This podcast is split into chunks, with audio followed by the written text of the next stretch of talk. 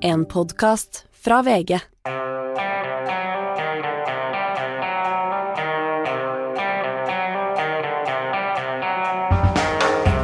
Ikke visste jeg at alle disse dagene som kom og gikk, de var selve uke 23. And aware of the rioters' chance to hang Mike Pence, the president responded with this sentiment quote, Maybe our supporters have the right idea. Mike Pence, quote, deserves it. Ja, det var uh, tydelig Liz Cheney, en av de ytterst få republikanerne som uh, mener at det var problematisk at uh, presidenten var med på å oppildne en folkegruppe til å storme Kongressen 6.1 i fjor for å få omstøtt resultatet av valget. I natt så begynte altså det har vært diverse etterforskninger rundt dette. Kriminelle etterforskninger, redaksjonelle etterforskninger, det har vært en egen riksrettssak mot Trump om det, og i natt begynte altså denne tradisjonelle kongresshøringen, Per Olav. og hva, hva, tenker du? Altså, du har, du har, fulgt dette tett. Lærte du noe nytt eh, etter natten? Ja, jeg syns det var en ganske sterk opplevelse, egentlig, å se disse eh, nye opptakene som, vi, som, ikke tidligere er blitt vist. Eh, det var en veldig påminnelse om hvor brutalt, hvor voldsomt, hvor aggressivt eh, dette egentlig var. Eh, det var ikke en sånn eh, fredelig happening med, med, av, av eh, patrioter som Trump har prøvd å fremstille det som tidligere. Det, det, var en brutal, virkelig voldsom hendelse. Eh, og vi så det med all tydelighet i det ganske lange, sammensatte opptaket. da, som, Og det er film vi ikke tidligere har sett. Og Du hørte jo hun politikvinnen som forklarte seg også, som sa at hun hadde sklidd i folks blod der inne på det. Ga meg ganske sånn bilder i hodet om hvordan, hvordan det er. Altså de der marmorerte hallene i, i Capitol Hill og øh, menneskeblod utover gulvene der. Ja, Carol Edwards var jo en av de kanskje den første som ble såret. da, og vi, Det er jo bilder også av når hun blir øh, Eh, blir slått i bakken. Eh, først blir slått i bakken, eh, svimer av, pådrar seg hodeskade. Kommer seg opp igjen og fortsetter å forsøke å forsvare kongressbygningen. Og ser sine andre politifolk ligge nede og hardt såret. Og, og en veldig traumatisk Og dette er det som da Trump fortsetter å omtale som en, en, en, en, stor dag, en, av de største hendelsene i det, vårt lands historie, og, og fortsetter han å omtale dette som det. Det kan man jo kanskje gi ham rett i, men med, med, et litt annet fortegn enn ja, men, han men stolthet han snakker om det, da. Ja. Annen, ja. Og det, øh, altså, et, nevne et par av, av, de tingene. Det ene er jo da at hans egen datter Ivanka, hun har forklart seg da i et opptak for øh, for komiteen. Og hun sier jo der at hun eh, tok på en måte til etterretning og stolte på da avgåtte justisminister Bill Barrs forsikring om at dette eh, valget av eh, Biden hadde gått riktig for seg. Hun taler altså pappa midt imot her. Ja, og dette er sikkert bare det første vi ser av henne i dette. De har gjort et lengre opptak og, og vitneavhør med henne. og nå så vi bare et lite bit der som hadde å gjøre med at eh, vi først så eh, tidligere justisminister Barr da snakke om at eh, at han måtte prøve å fortelle presidenten at disse påstandene om valgfusk, omfattende valgfusk ikke var der. At det, det, var ingenting som tydet på at det var noe i disse tingene. Og han sa jo rett ut at han fortalte presidenten at det var bullshit, som det heter på godt amerikansk. Ja, det var ordet han brukte. Ja, rett og slett. Det ble tullprat, eller hva skal vi oversette med? Men, eh, og, og, Drittspreik vil vel ja, heller si. Noe sånt. Ja. Og, og, Barr sa også at han ikke ville være en del av dette eh, i videre. Og han gikk jo av også som, eh, som justisminister noe senere. Og, og, Ivanka Trump sa jo da, når hun ble spurt om dette, at han, hun respekterte hun respekterer Barr, hun respekterer han som da var justisminister, og hun aksepterte det han sa. Og det som er noe av det som går igjen i de vitneutsagnene vi hørte i går, og det, og det som også eh, disse kongressrepresentantene som da eh, leder saken sa, det var jo at mange mennesker i eh, Trumps nærmeste krets, hans egen familie, hans nærmeste medarbeidere, hans justisminister, forklarte ham at det er ingenting her, vi, vi har tapt valget. Og at eh, Trump på en måte forsto dette, men at han likevel ikke ville akseptere det. Og uh, et annet sterkt vitneutsagn er jo altså at uh, Trump skal da, ifølge vitneforklaringen, jeg fikk ikke helt tak i hvem som hadde sagt det, men uh, han skal ha vært klar over at de stormet Kongressen under ropene 'hang Mike Pence'. Og han sier at kanskje de har rett, kanskje Pence fortjener det. Hvor troverdig er de vitnene som har, har forklart dette? Ja, dette var noe som ble eh, Som, eh, som eh, var Liz Cheney som, som, uttalte dette i går og, og sa at, at det, og siterte det, da. Siterte vitneutsagn. Vi har ikke sett det blitt fremført ennå som vitneutsagn. Men det vil bli fremført i Det vil jeg tro. For det, at det som man vet noe om dette, er at det fantes medarbeidere i Det hvite hus som førte en veldig nøye dagbok over det som skjedde time for time. som hadde, Det var en del av deres jobb å forklare hva som som ble sagt og gjort, og hvilke møter som var. Og, og, eh, og eh, vi vet at eh, Meadows, som da er, var hans stabssjef, Mike, Mike, Meadows var hans stabssjef, han er en veldig sentral person her. Mike Meadows startet jo med å samarbeide litt med komiteen. altså Han, han la, ga fra seg bl.a. tekstmeldinger eh, på sin eh, mobil og sånn, så, men så nektet han å vitne. Men det er jo andre som har eh, og Meadows var sammen med og veldig tett på Trump hele tiden. Ehm, det er ikke han som kommer til å vitne her, for han har sagt han ikke vil. Men det er jo medarbeidere rundt ham og rundt eh, Trump som var vitne til dette som skjedde. Og eh, denne høringen kommer nå til å fortsette. Vet vi hvor lenge den kommer til, det kommer til å være fem uh, høringer til. De kommer til å gå uh, i løpet av juni måned. Altså, og så kommer det en endelig rapport i september. Uh, det det er sånn at de, de, sier at de fortsatt arbeider med å avdekke, blant annet så er det elektroniske eh, dokumenter og spor det, skal de, det som skal dekrypteres osv. Det arbeides hele tiden med å avdekke eh, ting i denne saken, og det kan komme fram eh, ytterligere opplysninger underveis, eh, men den endelige rapporten vil foreligge i september. Det er jo det er noe sånn veldig historisk over dette her. Jeg tenker på det, det Watergate-høringene de foregikk vel riktignok om våren, men, men, også disse Iran-Contras-forhørene husker jeg foregikk en, eh, en, sommer. Nå går vi inn, og vi vet at det er godt og varmt i Washington, og disse her svette rommene og eh, kongressrepresentanter som kaster jakka, og eh, det er noe det er noe veldig kraftig og teatralsk og hele sånn alle presidentens menn og og sånn over det.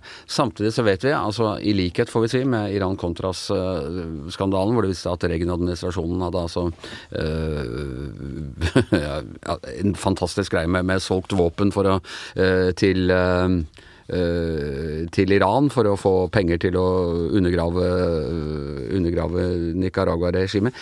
Det skjedde jo ingenting, og det kommer vel ikke til å skje noe eh, som direkte følge av dette her heller. Eh, republikanerne sier at dette er bare tull, og, og, det er ikke så farlig, og det er bare vandalisme, og, og det, var noe, det, var ikke noe, forsøk på statskupp eller noe sånt. Nei, det er, men det er jo nettopp for å det er viktig å forstå det som skjedde den gangen for å hindre at det gjentar seg. Det er jo det som er hovedbudskapet her for uh, både dem, demokrater og de få republikanere som mener det er nødvendig å gjøre dette oppgjøret. Fordi det er jo ikke noe særlig tvil om at det amerikanske demokratiet, eh, som var direkte angrep den gangen. altså det, ikke, det, er ikke noe tvil om at dette var, må betegnes som et kuppforsøk. Eh, og når du da har fortsatt en president, som på mange måter, en tidligere president, som har stor makt i sitt eget parti, som fortsetter å, å, å, å påstå at valget var stjålet, at eh, man ikke kan stole på valgsystemet, eh, og Eh, det har jo undergravd hele tilliten til de demokratiske både institusjonene i, i USA og, og, valgordningen. Og så lenge det, Da er jo ikke denne trusselen over. altså Dette er jo ikke noe, det er ikke noe, et avsluttet kapittel. Det er en vedvarende trussel mot demokratiet når man har, når man, eh, har grupper og personer som nekter å akseptere spillereglene i et demokrati.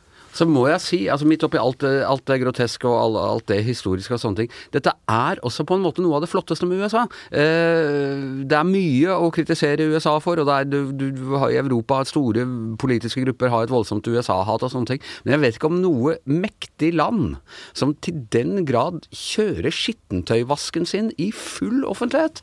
Eh, det gjelder alle de, de andre tingene vi snakket om, og det gjelder også dette her. Det, er helt, det, det har du helt rett i. Og jeg, det som gjorde veldig inntrykk på meg når jeg så på dette her, og nå kan, kan, kan ikke ta det helt ordrett, men det var hun Carolyn Edwards, denne politioffiseren som ble slått ned og, og, og, ble alvorlig skadet.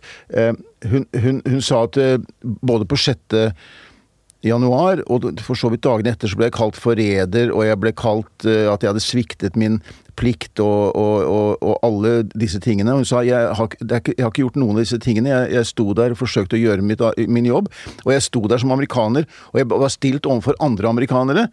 Uh, og jeg vet ikke hvordan vi kom opp i en situasjon som dette. Jeg, har forsøkt i ettertid å tenke gjennom dette. Hvordan kunne vi komme i en situasjon hvor, jeg, hvor vi amerikanere sto opp mot hverandre på den måten vi gjorde 6. januar? Og det er det som er tragedien oppi dette, men, og som jeg syns hun satte ord på. Og eh, når du så det, den brutaliteten, det, det hatet og den eh, aggresjonen da, som vi også ble minnet om i går, i den første sendingen, så er det ganske tankevekkende. Ja. Vi kommer til å følge på mer med på, på dette utover sommeren, eh, og det kommer ikke til å bli noe vakkert syn, det er i hvert fall sikkert.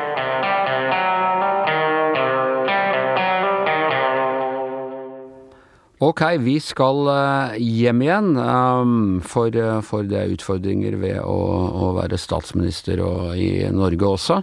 Eh, vi snakket litt om dårlige meningsmålinger og sånne ting for, eh, for Arbeiderpartiet i, eh, i går. Var det 19, et eller annet? 19,7, altså under 20% oppslutning på, på meningsmålingene. Hvor dårlig er det historisk sett, Tone Sofie? Nei, Historisk er det jo um, elendig. Så husker vi den vinteren før valget 2021, så var jo Arbeiderpartiet nesten ned på enkeltmålinger ned på 1818. 17-18-tallet. Og det var jo da det begynte å boble opp sånn derre Skal vi finne en ny partileder? Og så, så snudde det jo, og stemningen ble en annen i Arbeiderpartiet. Men under 20, det Da går alarmklokkene på Folkets hus. Må si som lederen for eh, Norges Kommunistparti på valgnatta 1985, da de hadde fått under 1% Han ble spurt nå kan dere ikke bli noe særlig mindre. Jo da, sa han optimistisk, vi kan bli mye mindre. Ja. og eh, det kan jo Arbeiderpartiet. type. Ja, men det kan jo Arbeiderpartiet også. Men eh, Og de har jo vent seg til et nytt eh, nivå. Eh, Ja. I en normaltilstand så ville det jo vært eh, ja, pauker og basuner, eh, bare at det, den, den minusvarianten av pauker og basuner ved et sånt resultat. Nå virker det nesten bare som det er et skuldertrekk. det var jo en gang i tiden de gikk på 36, hva var det? 36,9, ja. Så, så nå er de nesten halvparten der. Ok, eh, men et av de åpenbare problemene de har, er at de er eh, såpass eh, eh, sterkt knyttet til eh, Senterpartiet. Det skaper litt problemer til venstre for dem, som nå er en, en stor og, og slagkraftig venstreside. Og du, eh, du snakket på morgenmøtet her, og jeg vet ikke om, det, om du kommer til å bruke det i kommentaren du jobber med nå, men altså om Stockholm-syndromet, for de som har sett Clark Olofsson-serien på Netflix den siste tiden. I 1973 var det to bankranere som eh, tok eh, gisler under et eh, ran i, på Nordmannstorg i Stockholm, ble der inne nesten en uke. Gislene der inne begynte å sympatisere med eh, ransmenn istedenfor med politiet utenfor. Dette er senere blitt kalt eh, Stockholm-syndromet, når, du- når du begynner å sympatisere med din, eh, din kidnapper, rett og slett. Og det er det du tenker at Støre er et av, et av eh, de banka, bankansatte, og Vedum er Clark Olofsson. Ja, eh, for det er, jo, det er jo mange grunner til at eh, det går som det går, men, men, men det som har vært eh, litt sånn overskriften på Arbeiderpartiet de siste fem årene da har jo vært hvordan Senterpartiet tok for seg av deres velgere i Nord-Norge, på industriområder, og det skapte jo naturlig nok en panikk i Arbeiderpartiet, hvor man endra politikken sin, la seg både mer til venstre, ble mer distriktsorientert, og, det blir jo også ansett som en sånn suksesserklæring for at Arbeiderpartiet tross alt gjorde såpass godt valg som de gjorde. Ehm, det som er liksom utfordringa der, er jo at Uh, nå ser det ut som man gjør det fryktelig dårlig i de store byene. Uh, noen vil også si at revidert budsjett, altså budsjett Hurdalsplattformen er veldig prega av eh, veldig lite storbypolitikk. Da, veldig mye distriktspolitikk som dominerer Arbeiderpartiet.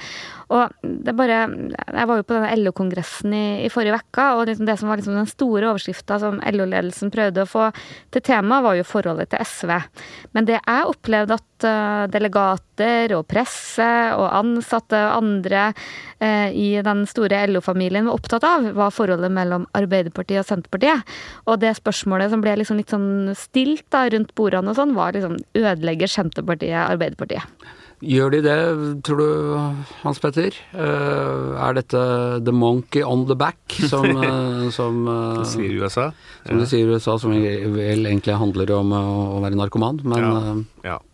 Nei, ja, altså det er klart det er et problem, det her. Det er også, I utgangspunktet så var jo Senterpartiet og Arbeiderpartiet nærmest hovedmotstandere på mange ting. sant? Det er jo og eh, det er mange som savner, tror jeg, den mer liksom ja, Stoltenbergske liksom, Den der pragmatismen som, som, var mer sånn eh, fremskrittsvennlig, på en måte. Men da var jo Senterpartiet også med? Ja, men du vet, Senterpartiet har også skifta litt ham. Det var jo også den gangen, under ledelse av Åslaug Haga, den fløya i Senterpartiet var mer, mer skal vi si jeg skal ikke bruke ordet de var jo litt sånn pro-globalistisk, hvis du kan bruke et sånt begrep. Mens, mens under Vedum så har det, har det liksom blitt mer en sånn Gått tilbake til det gamle Senterpartiet, veldig sånn introvert, veldig sånn, og, og, mye fokus på det med reversering og sånn. da.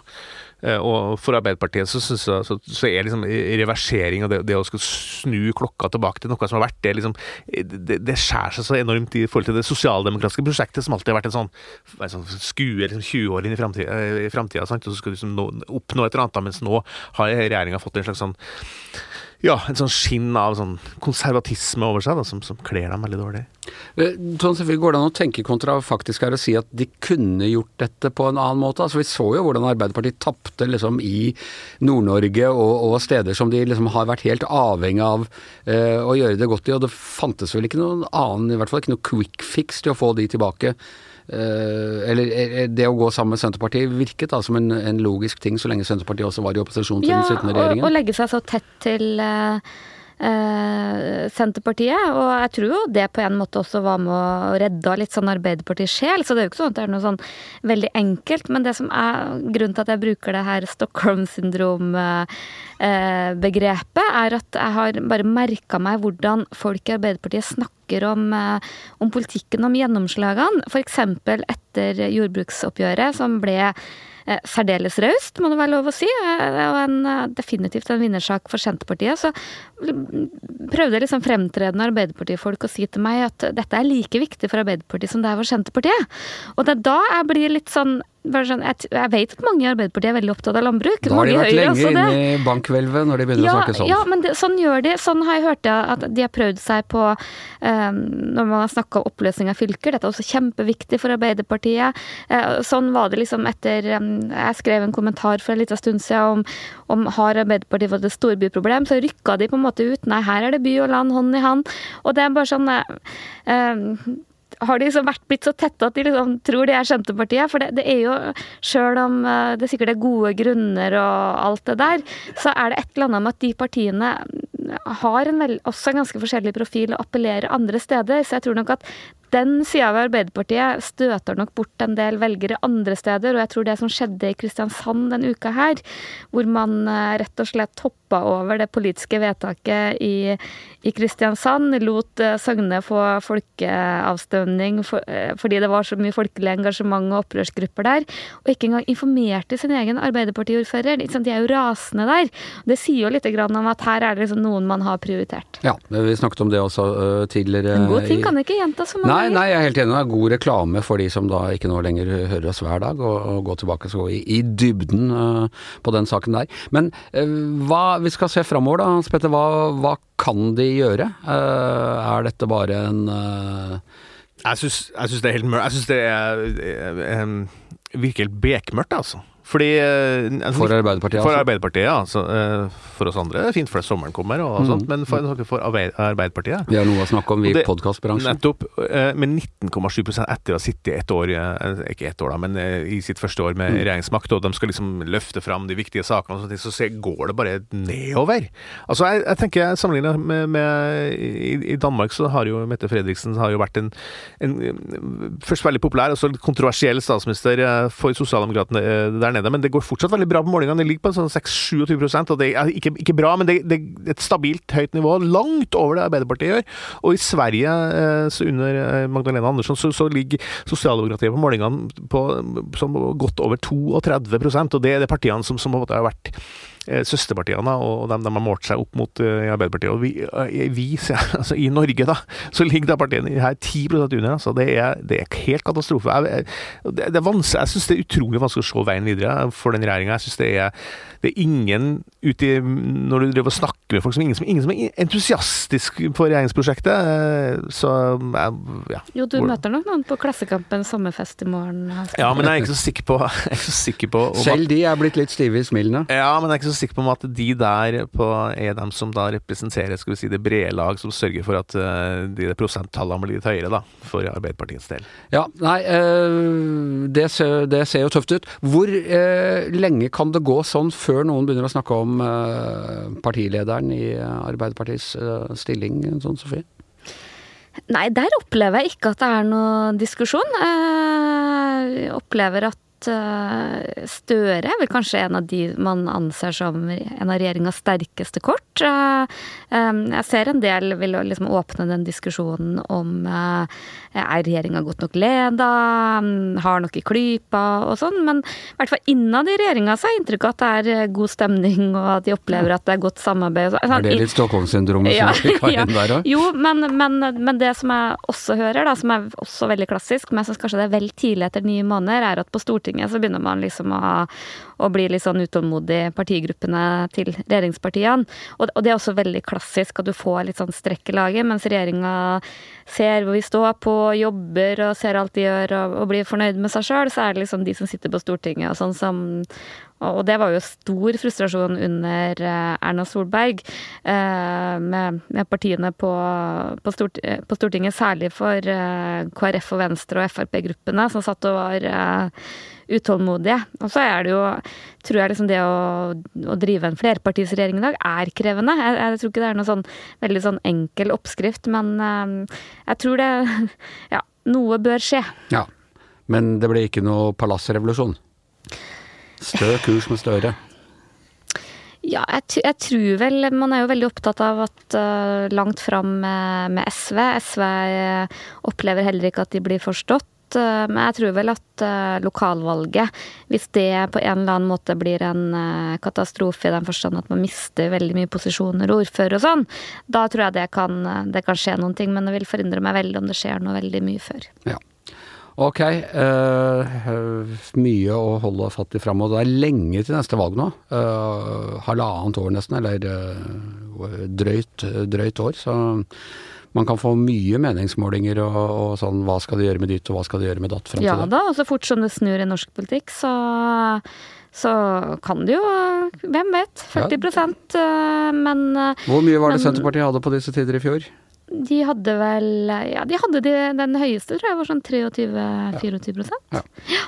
De sitter jo i en forferdelig situasjon da, med, med bensinpriser og strøm. Og, altså, det er jo en veldig ul, dårlig tid å sitte og regjere på, sånn sett hvis du skal score høyt på popularitetsmålingene. Altså, de vil jo da vente kanskje på at, ja, at, det, at den internasjonale konjunkturen også endrer seg litt. da. Ja. Det, det, det, er ikke lett, altså. Men der blir også denne sammenligninga med våre naboland eh, eh, litt rar. For eh, både Magdalena Andersson i, Sverige og Mette Fredriksen i Danmark eh, sleit jo lenge på målingene, mens de fikk jo opptur av eh, krig og Nato-debatt og sånn. Og det har vi jo ikke fått i Norge. Og om strømsituasjonen er unik her, om det kan være en årsak, det vet ikke jeg. Men det ser i hvert fall, de fikk i hvert fall et løft av, av krigen. Ja, det er annerledeslandet. Langt langt mot noe lang, Nei, åssen er det den går igjen? Annerledeslandet, Hans Petter? Nei, jeg er ikke så god på annerledeslandet, for jeg har aldri ment at Norge er spesielt Du er så glad i den nei, metaforen? Det er langt etter landet, det meste er nord. Nemlig, nemlig. Men det er langt, Norge. Det er jo utrolig langt og svært, da. Ja. Og det kan jo ha noe med at dieselpriser og sånne ting i Norge betyr litt mer i Norge enn kanskje enn i Danmark. ja, hvor du kan gå til det meste. ja. Ok, uh, greit. Vi skal, vi skal, over på uh, en liten ukesoppsummering. Tenkt å gå gjennom noen av de uh, temaene vi har vært innom uh, i, løpet av, uh, i, løpet av, uka, og temaer vi ikke har vært innom, og, og, finne ut hva du bør mene om dem. For jeg vet ikke om det har vært spesielt uh, denne uka, om det er sånn hver uke, men vi begynte i hvert fall å diskutere på, på morgenmøtene at det er sånne det blir mer og mer har vel litt med, med, med hele kulturkrig-atmosfæren å gjøre, men det er mer sånne, sånne saker du må ta stilling til hele tiden. Uh, Astrid Mæland. Uh, man, må, man må liksom F.eks. i går så uh, diskuterte vi denne saken om vitsen Tonje Brenna skal ha dratt på Agendas sommerfest. Kanskje litt spesiell, for da var det ikke egentlig for eller mot den vitsen, men litt sånn for eller mot at VG skrev om det. Men hva tenker du hvis du skal være politisk korrekt, eller populistisk korrekt, hvis du liksom skal treffe tidsånden. Hva skal du mene om den saken der? Den vitsen var helt ja. uh, innafor. Det, det, er greit å, å, fleipe med sånt også. Uh, også for en statsråd som sitter ved kongens bord. Ja, jeg tror kanskje at uh, det å være er å framsnakke i det miljøet som Bertha og sjamanen ferdes i. Han har jo sagt at han er en reptil, så Eh, heks det er ikke så verst, det. altså. Hun har jo drevet og snakka med engler, og jeg tipper at eh, Märtha Louise ja. liker hekser. Ok, Hva tenker du? Brennavits innafor eller utafor, Hans Petter? Innafor. Eh, Tone Sofie? Og innafor. Og i tillegg så mener jeg det å være Lizard King, det mener jeg definitivt er innafor. Ah, ja, ja, ja. For der dro altså Tone Sofie en, eh, en eh, metafor fra, fra The Doors. Uh, og Jim Morrison som var det Lizard King. Og jeg er enig. Vits godt innafor.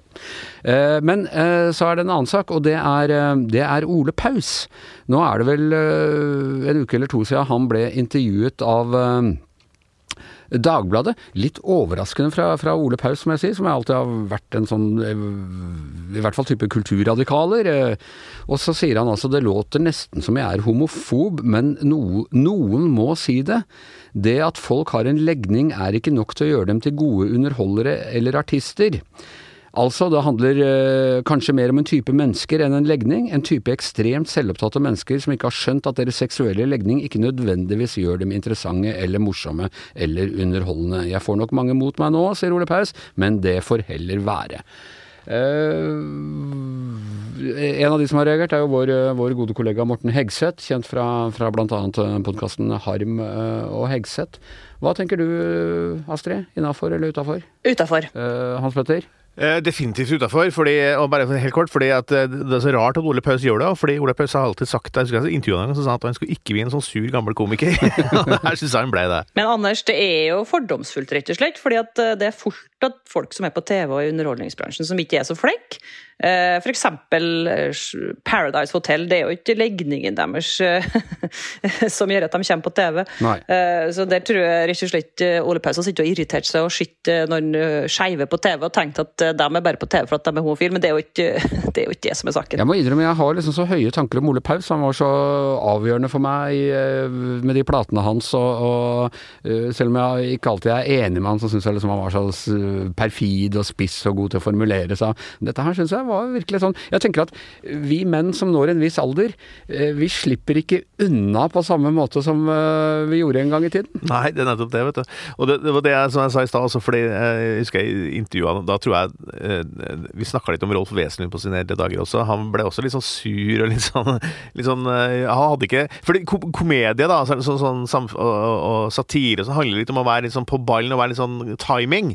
Men, skal ikke, men jeg vil si, vi må ikke overdrive det her så veldig heller. Altså, det er lov å, det er lov å si noe dumt òg. Det er lov å være litt politisk ukorrekt. Ja, det, er lov, det er lov å si noe dumt. Ja, ja øh, Astrid, du nevnte også Millehaugen. Ja, Millehaugen, ja. Uh, han er jo definitivt utafor, men burde vært innafor. Ja. uh, fengselets fire vegger, altså.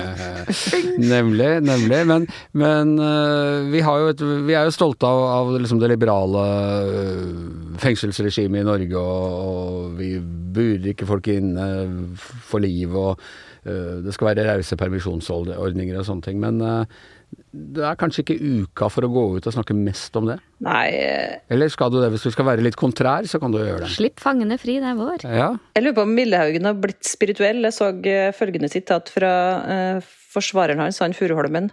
Dette har vært en personlig reise. Han har vært alene i skogen. Den reisen er avsluttet nå, sier Furuholmen. Um, og at han var klissvåt og forkommen. og Uh, man kan jo tenke seg, Han lenge, sitter jo lenge i fengsel, så kanskje han trenger litt eh, luft under vingene. Han har jo fått en, ikke en tre ganger tidligere, eller to ganger tidligere han har rømt ja. uh, fra fengsel. og Tidligere så var han jo borte i åtte måneder, nå bare i noen få dager. Sett fra mitt synsvinkel så skulle han ha fått permisjon. Det er jo ikke så, ikke så vanskelig å, å, skjønne at et menneske som er sperret inne, ønsker å, å, å slippe ut. Nå tenker jeg mer på, på debatten om norsk eh, fengsels, uh, fengselsvesen. Det, viser at det er for liberalt? Er det, er det innafor å mene at uh, at man, må, at man var litt strengere på, på soningen av farlige fanger? Ja, Jeg vet ikke hvor farlig han Millagen er nå, men uh, i hvert fall akkurat nå så, så fremstår det litt rart uh, at han har uh, permisjon. Altså, er, så at, jeg tror ikke de, der, de som er, fører, har den mest liberale kriminalpolitikken, har vel en sånn Bør kanskje ligge litt lavt akkurat nå, da. Er det innafor å bruke dette politisk, tror du sånn, Sofie? Ja, det vil jeg tro. Ja. Det er rart om ikke Eller nå har jo faktisk Sylvi Listhaug gjort det bedre på meningsmålingene nå, men eh, jeg har jo tenkt at jeg burde snart hive meg på den her trenden med å ligge i sånn sovepose ute i marka i en hengekøye, og liksom tanken på den dobbeltdrapsmannen ligger i hengekøya ved siden av, er liksom ikke helt ja, ikke helt god. I hvert fall ikke i regnet. Og jeg tenker også, hvis jeg har vært eh, Mille Jeg syns litt synd på Millehaugen. Altså, han jeg stakk av fra fengselet, og så skulle han få litt frihet, for det var sikkert forferdelig å sitte i fengsel. Og så ender han opp med å sitte oppe i skogen i regnet oppe i, eh, oppe i Nøklevann her. Det skulle han kanskje heller hatt seg en uke i Syden eller noe sånt. Men utsagnet 'send eh, fengselsfuglene til Syden', Hans Petter tror jeg ikke er helt. Jeg tenkte, jeg tenkte mer for han personlig, at det hadde vært bedre for han. Jeg tror ikke han har fått en sånn løft i, sin, i sitt liv som, som fange ved å sitte sitte inne i skogen her i, i regnet. Du, eh, eh, sak til. Eh, å ha barn på besøk, altså barna dine har barn på besøk, eh, så skal dere ha middag i familien. Eh, gjesten må vente på rommet. Innafor eller utafor, Astrid? Utafor, Anders. Definitivt. Er det det? ja. ja, men sånn har jeg vokst opp. Ja, ikke sant. ikke sant. Det her er jo Swedengate. da. Vi har gått av oss over det her i eh, dagevis at svenskene er så kjipe og gjerrige at eh, de ikke gir barn som er med hjem på besøk hos kompiser, mat, og altså at barna må vente på rommet mens familien eh, et middag eller frokost. Det har vært eksempel på. Det har vært omtalt i USA, India, overalt. Det har godt av også over de kjipe svenskene. Men, eh, men, jeg har altså funnet ut, begynt å tenke på denne uka her, og så snakka med litt folk og leserne våre og sånn. Det er akkurat eh, slik i Norge, og har vært i hvert fall i vår barndom. Men hvordan i disse landene hvor de er så mye rausere, hvordan gjør de det hvis liksom sønnen i huset har med fire kamerater hjem, og dette var man ikke klar over? Altså man laga, forsvant de potetene. Laga middag til tre. Deler de det da opp til alle, eller hva? Gjør de for noe, eller tryller de fra mer mat? Ja, finn fram en Grandis fra frysen da, vet du. Ok. Uh, Hans Petter, med fire barn, innafor eller utafor å la gjesten vente på rommet?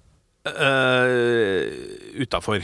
Det er utafor? Ja, altså, ja, hva hva var egentlig som var innafor og utenfor? Altså, jeg mener, det, jeg mener det, du inviterer dem på middag. Inviter Ja. dem, Ta dem inn i varmen. Men eh, Astrid har jo helt rett, og du og, tror jeg Anders sa det, at det er jo Jeg husker også fra min oppvekst at det var ofte sånn at når, jeg, eller når vi hadde besøk, så ble de sittende på rommet mens vi hadde middag og sånn. Ja. Og det var ikke fordi at, vi var, at man er slemme, men det er for at man er høflig og tenker at man vil ikke rote bort i eh, middagsplanene til den andre familien, da. Det er også, ikke sant. Eh, Skal de komme hjem der og si at nei, jeg fikk pølser hos Hans Petter, så jeg skal ikke ha Ja, så hvis jeg røkt kolje eh, hjemme? Ja, eller hvis jeg har eh, f- eh, kokt sodd, Ikke som sant? jo eh, vi søstrene gjør en gang i uka, så, så Nei, det gjør vi ikke, altså. Da hadde jeg satt veldig stor pris på at du ikke inviterte meg, Hans Petter.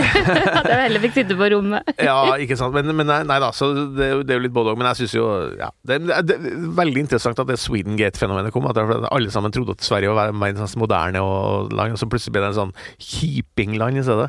Ja. Men jeg, jeg vil påstå eh, at Norge er omtrent det samme. Tror ikke du det også, det, Tone Sofie? At det er den samme kulturen her?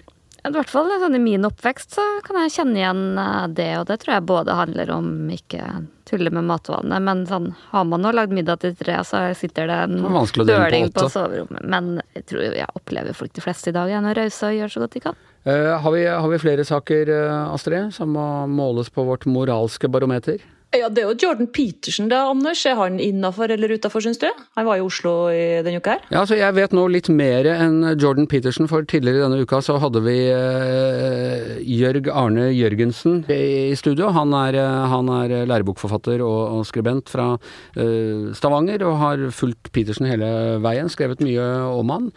Eh, og, og han mener jo definitivt at Petersen er innafor, men at han har en del sånne litt rare sider som ikke passer helt inn i det han eh, ellers driver med. Blant annet eh, har han vel spist såpass mye psilocybin, eller fleinsopp som det heter på norsk, at han begynner å ha, han har sett DNA-molekyler og sånne ting. Jeg ante ikke at han var så speisa, visste du, eh, eh, Hans Petter? Nei, det er jo psykedelisk, da. greiene. Og jeg, jeg, jeg, jeg, var veldig overraska at han Jordan Peterson fortsatt appellerte så voldsomt til folk. Fordi jeg, så for meg han var en sånn, en sånn typisk sånn blaff som var eh, rundt sånn 2016 til 2018, og at han plutselig da fylte hele Oslo Spektrum igjen. Det var jo utrolig interessant å, å, se at han gjorde det, for han har jo vært, det har vært så mye skandaler og så mye sånn rart, og som du ser mye sånn de siste årene, så fascinerende fenomen at eh, Nå tenker jeg først og fremst at det vedvarer, på et vis. da. Ja. Hva tenker du, Tone Sofie? Innafor eller utafor med Jordan? Jeg tenker han er helt innafor, og, og jeg er like fascinert over alle de som mener at han er så fantastisk og forandrer livet deres, som er jeg over de som syns at han er helt forferdelig og han må vi boikotte og sånne ting. Ja, for det, det er så vanskelig å få tak i hva Ja, som er ja, hva både problemet? stort og, Ja. og Men han, han, mente sånn, han var på Fredrik Skavlan, så, så sa han at han ville forby skilsmisse. Tenkte jeg, det er jo mer ko-ko enn sånn du kan bli sinna for. Ja, det ja, absolutt. Men jeg, bare, jeg prøvde å lese den der første boka, sånn der ti regler for livet og sånn, og det var bare liksom Stram deg opp, mann. Tenk på deg selv som en sterk person, så blir du en sterk person. Stå opp til Ja, det var liksom Ja. sånn bare Ja. Men der hadde han Jørg et godt poeng at, at liksom eh, sånne selvhjelpsbøker, eh, de trenger jo ikke egentlig å være så originale, de må være inspirerende. Og det er et eller annet inspirerende med denne her litt sånn Han har jo åpenbart treffet en nerve Ja. i befolkninga. Litt sånn annet enn alle de selvhjelpsbøkene som kanskje damer og sånn liker, så det er jo være. Ja. Og så var det en som sa til meg som jeg ikke tenkte på at Jeg husker sjøl da jeg var Han appellerer veldig til unge folk, da. Unge gutter særlig. Og da jeg var 18-19-20 år sjøl, så husker jeg jeg likte sånne intellektuelle. Så folk som hadde en mening om alt mulig rart. Ja. Eh, ikke- Ole Paus. Ja, Ole Paus, for eksempel, som vi snakka om. Eh, altså, at, at det er behov for sånne som klarer å, å uttale seg om alt mulig rart eh, med en viss sånn Ja, litt elegans og litt tyngde, da. Fordi at Tenk på forskere og den som er ute i debatten, og så er det ofte veldig sånn smalt og veldig sånn Du, du har ditt felt, og du skal liksom ikke bevege deg utfor, da. Det er at du har noen sånne, sånne litt sånn vismenn, da, eller visdamer, eller, eller et- og Sjamaner. sånn. Ja, sjamaner. sånn. Gjør, det appellerer til folk. Det er klart for å forklare litt av det fenomenet. Ja. Okay. Anders, jeg har en mening om Jordan. ja. Kom Han er, han er innafor. Bare en vanlig konservativ psykolog, helt grei, men han er i ferd med å bli utafor, og han er i ferd med å utdefinere seg sjøl. Fordi hans suksess tror jeg handler litt om at han er flink til å trykke på rett knapper i sosiale medier. Når han skal lansere noe nytt, sånt, så, så kommer han med noe kontroversielt som irriterer halve Twitter-ratet, og som resten elsker. Men nå funka ikke lenger. f.eks. For eksempel nå 17. mai, husker jeg det, la han ut en tweet om at han syntes en badedraktmodell som var asiatisk og litt uh, tjukkere enn vanlig, var, ikke var noe pen. Og det ble jo bare to litt sånn. Så nå har han meldt seg av Twitter i protest, og det er synd på han, og bla, bla. Altså, han treffer ikke helt lenger, og han, han er i ferd med å bli et sånn, som Hans Petter var inne på, litt sånn 2018 Ja, husker han fra 2018, liksom. Morsomme, hvis jeg kan bruke det ordet om den tweeten, var at han mente at dette var, dette var på en måte vitenskapelig. Eh, hans vurdering av at uh, denne dama ikke var noe pen. Det var, ikke, det var, ikke, noe han sa for å være kjip, eller fordi uh, det er liksom vitenskapelig kunne han forklare hvorfor det ikke stemte. Det er jo sterkt fra en mann som har sett DNA-molekyler på fleinsopp, må jeg si. At det ikke finnes subjektive oppfatninger av, av stygt og pent. Ok, jeg tror vi skal runde av med, med siste er da konfirmasjon. Vi er midt i konfirmasjonstiden. Borgerlig, kristen, vikka. Uh, apropos hekser og sånn, ja. Apropos hekser og sånn. Uh, konfirmasjon innafor eller utafor, uh, Hans Petter? konfirmasjon er åpenbart innafor. Men, uh, Litt kjedelig, men innafor. Men at problemstillinga, hvis du drar inn alkohol i det med konfirmasjon, da, for det var, det, liksom, det var en snakk om det, da, ikke sant? at det var veldig mange i Norge som syntes at det å drikke altså tilby alkohol på konfirmasjon er veldig er feil, da. Uh, for konfirmanten er jo ikke gammel nok til det? Nei, nei, nei. nei. Men, men for, de, for, onkel som kommer og skal delta i konfirmasjon, så, så er det veldig feil å gi han en flaske øl. Der, jeg, uh, vi har vår tredje konfirmasjon uh, i min familie neste helg, og vi har alltid eller de to første, og på den som kommer nå, så har vi tilbudt gjestene vin og øl. Og det gjør vi selvfølgelig med aller største glede, fordi det er en helt naturlig ting i, i, vår familie, skal du si, altså i, i samfunnet, å drikke alkohol ved, ved festlige anledninger. Så jeg, det var, altså jeg ble veldig overraska. Jeg tror det var i Nord-Norge så var 75% som sa at det var helt feil å servere alkohol i forbindelse med konfirmasjon. Det syns jeg var litt merkelig. Astrid, hva tenker du om det? Innafor eller utafor? Jeg sitter så langt inn og sier det her, men utafor. Ja. Utafor å servere alkohol i konfirmasjon? Jeg har akkurat vært i en konfirmasjon og måtte lide meg gjennom det helt edru. Skulle jeg gjerne ønske at det var alkoholservering, men så tenker jeg på Eh, ja, det var jo klokka ett på en søndag, og, og hovedpersonen er 14 år, og kanskje, kanskje greiest akkurat i den, det selskapet, i hvert fall at det ikke ble eh, servert alkohol. Selv om det nok ville heva stemningen mange hakk da, for oss voksne. Tone Sofie? Nå skal jeg sjokkere dere alle med å si innafor. Det er innafor, ok. ok. Eh, da er det to mot én, så da kan jeg enten føre til at det er lokt, eller så kan jeg lage en knusende seier. Jeg, syns nok at det er innafor å kunne servere alkohol, men jeg, jeg altså Men med måte? Ja, og så er det ikke noe dumt at man tar den diskusjonen, øh, tenker jeg. For det øh, Altså, jeg har en, en, sønn på 17 år, alle de andre er eldre enn han og sånne ting. Han sitter jo liksom der i rekke familieselskaper mens alle andre øh, drikker rundt han. Uh, jeg synes Man kan godt uh, liksom, tenke over det, og hvor, hvor spennende det er å, å, for unge mennesker å, å, være med og se liksom, voksne folk, selv om de ikke blir fulle, men liksom bare blir, uh, blir alkoholpåvirka. Så jeg, jeg hilser debatten velkommen. Ja, det syns jeg var raust. Uh, ja. Så, så, nå må vi ha en runde med debatt, da, og så skal vi liksom pro et kontra, så skal vi konkludere ved neste høve. Ja, ja ikke sant. Ja, så når, vi, når, denne debatten har fått gått et år, så skal dere få vite hva, hva Anders gjør. Og uh, helt på slutten kommer etikeren i Morgenbladet og setter skapet på plass. Ikke sant. ikke sant, Og det, det gleder vi oss selvfølgelig til. Og med det så er vi ferdig her i Giæver og gjengen for denne uka. Tusen takk til Per Olav Ødegaard. Tusen takk til Tone Sofie Aglen, Tusen takk til Hans Petter Sjøli. Tusen takk til Astrid Mæland. Jeg heter Anders Giæver, og mannen som lider av et velutviklet Stockholm-syndrom som gjorde at han har produsert denne podkasten i sju og et halvt år nå, er som vanlig produsent Magne Antonsen. Du har hørt en podkast fra VG. Ansvarlig redaktør, Gard Steiro.